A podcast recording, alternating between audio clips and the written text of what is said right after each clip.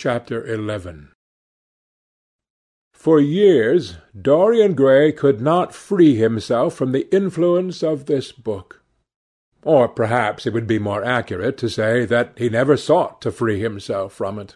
He procured from Paris no less than nine large paper copies of the first edition, and had them bound in different colours, so that they might suit his various moods and the changing fancies of a nature over which he seemed, at times, to have almost entirely lost control. The hero, the wonderful young Parisian in whom the romantic and the scientific temperaments were so strangely blended, became to him a kind of prefiguring type of himself, and indeed the whole book seemed to him to contain the story of his own life, written before he had lived it. In one point he was more fortunate than the novel's fantastic hero. He never knew, never indeed had any cause to know, that somewhat grotesque dread of mirrors and polished metal surfaces and still water which came upon the young Parisian so early in his life, and was occasioned by the sudden decay of a beau that had once apparently been so remarkable.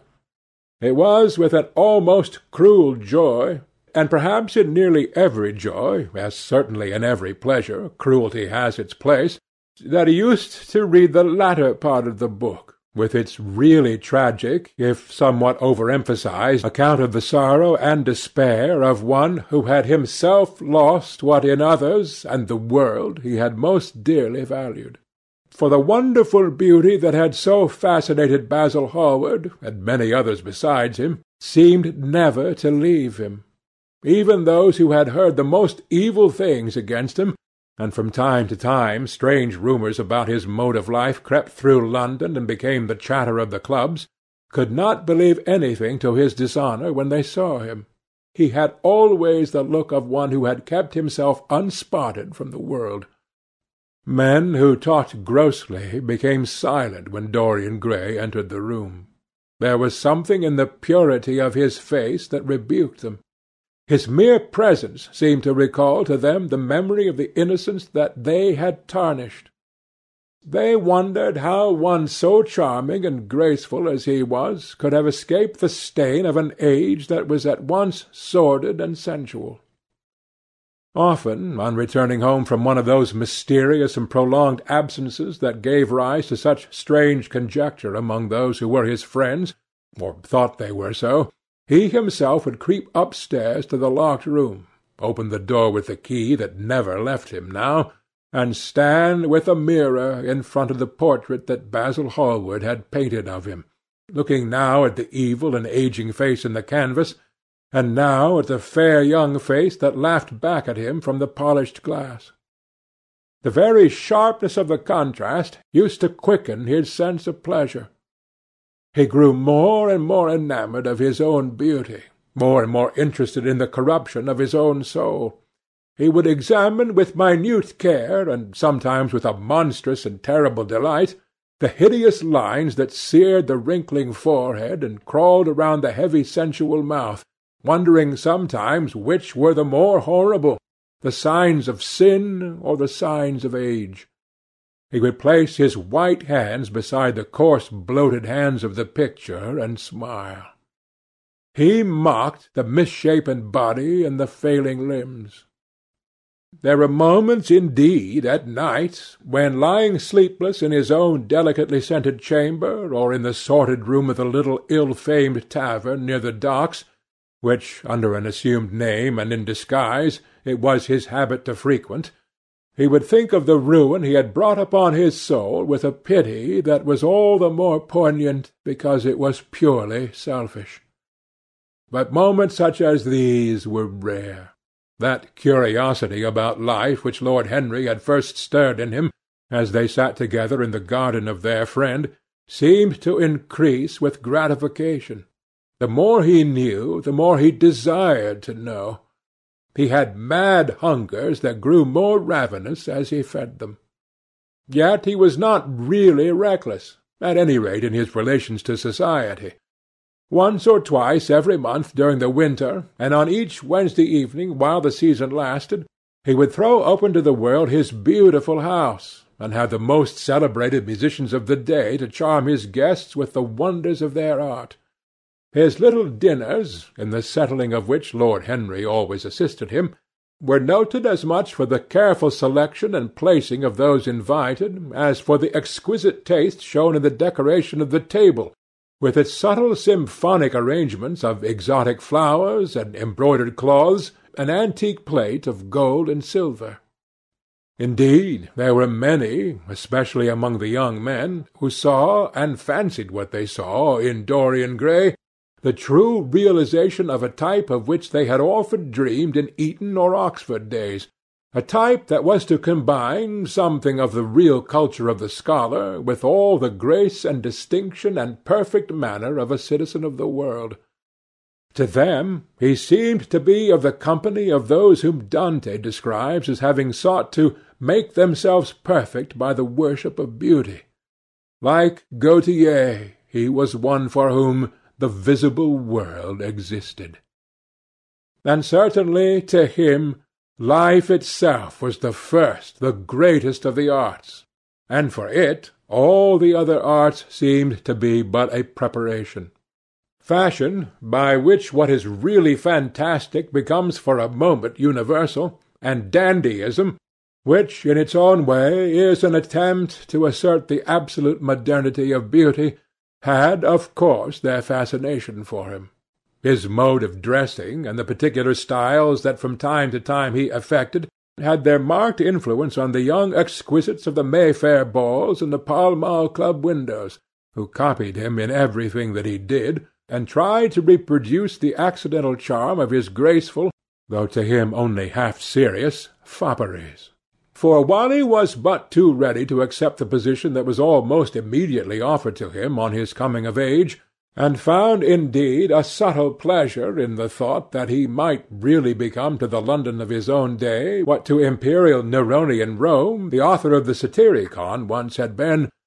yet in his inmost heart he desired to be something more than a mere arbiter elegantiarum, to be consulted on the wearing of a jewel, or the knotting of a necktie, or the conduct of a cane. He sought to elaborate some new scheme of life that would have its reasoned philosophy and its ordered principles, and find in the spiritualizing of the senses its highest realization. The worship of the senses has often, and with much justice, been decried, men feeling a natural instinct of terror about passions and sensations that seem stronger than themselves, and that they are conscious of sharing with the less organized forms of existence.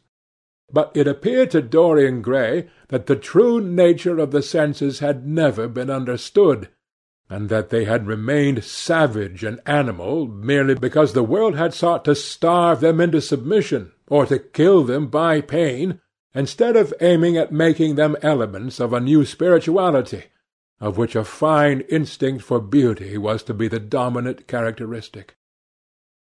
As he looked back upon man moving through history, he was haunted by a feeling of loss. So much had been surrendered, and to such little purpose. There had been mad, wilful rejections, monstrous forms of self-torture and self-denial, whose origin was fear, and whose result was a degradation infinitely more terrible than that fancied degradation from which, in their ignorance, they had sought to escape. Nature, in her wonderful irony, driving out the anchorite to feed with the wild animals of the desert, and giving to the hermit the beasts of the field as his companions. Yes, there was to be, as Lord Henry had prophesied, a new hedonism that was to recreate life and save it from that harsh, uncomely Puritanism that is having in our own day its curious revival. It was to have its service of the intellect certainly, yet it was never to accept any theory or system that would involve the sacrifice of any mode of passionate experience. Its aim, indeed, was to be experience itself, and not the fruits of experience, sweet or bitter as they might be. As of the asceticism that deadens the senses, as of the vulgar profligacy that dulls them, it was to know nothing. but it was to teach man to concentrate himself upon the moments of a life, that is itself but a moment. There are few of us who have not sometimes wakened before dawn, either after one of those dreamless nights that make us almost enamoured of death, or one of those nights of horror and misshapen joy, when through the chambers of the brain sweep phantoms more terrible than reality itself, and instinct with that vivid life that lurks in all grotesques, and that lends to Gothic art its enduring vitality, this art being, one might fancy, especially the art of those whose minds have been troubled with the malady of reverie. Gradually, white fingers creep through the curtains, and they appear to tremble. In black fantastic shapes dumb shadows crawl into the corners of the room and crouch there. Outside there is the stirring of birds among the leaves, or the sound of men going forth to their work, or the sigh and sob of the wind coming down from the hills and wandering around the silent house, as though it feared to wake the sleepers, and yet must needs call forth sleep from her purple cave. Veil after veil of thin dusky gauze is lifted, and by degrees the forms and colours of things are restored to them, and we watch the dawn remaking the world in its antique pattern.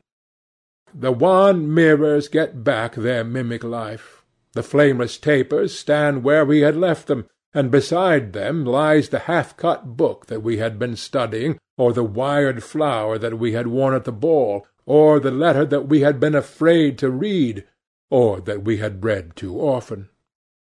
Nothing seems to us changed.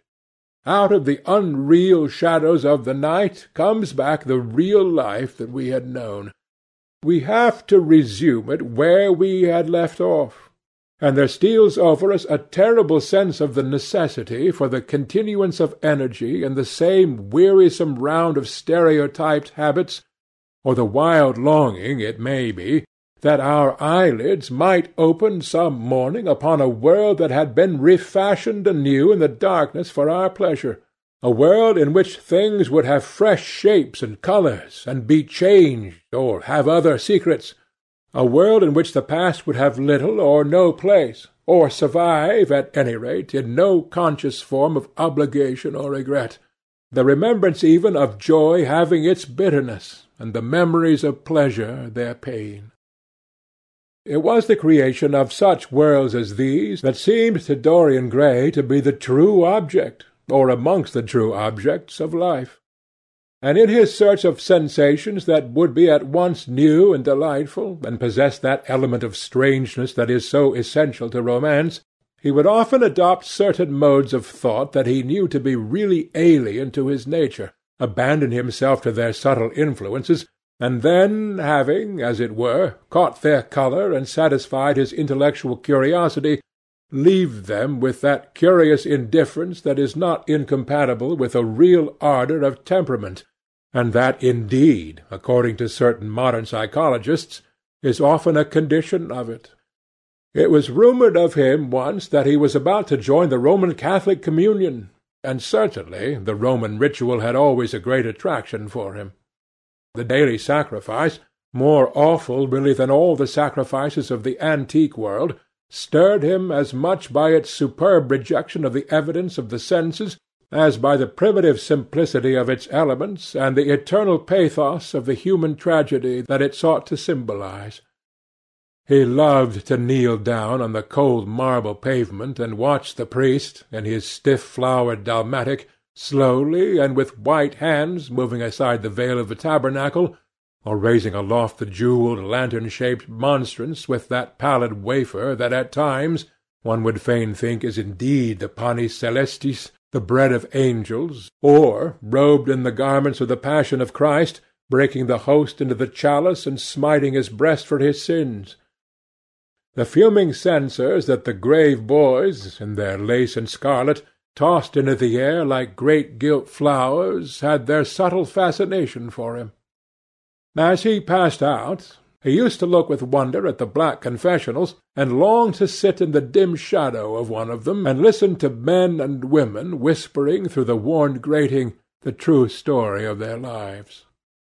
But he never fell into the error of arresting his intellectual development by any formal acceptance of creed or system, or by mistaking, for a house in which to live, an inn that is but suitable for the sojourn of a night, or for a few hours of a night in which there are no stars and the moon is in travail.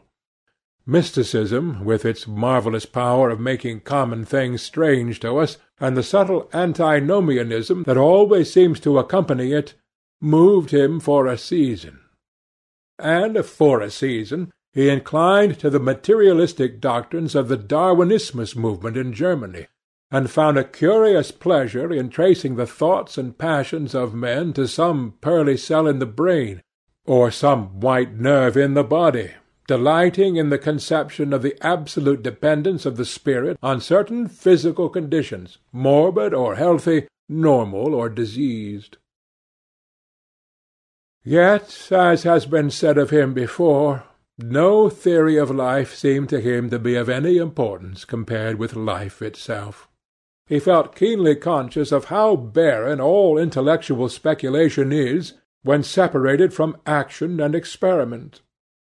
He knew that the senses, no less than the soul, have their spiritual mysteries to reveal. And so he would now study perfumes and the secrets of their manufacture, distilling heavily scented oils and burning odorous gums from the East. He saw that there was no mood of the mind that had not its counterpart in the sensuous life, and set himself to discover their true relations, wondering what there was in frankincense that made one mystical, and in ambergris that stirred one's passions, and in violets that woke the memory of dead romances,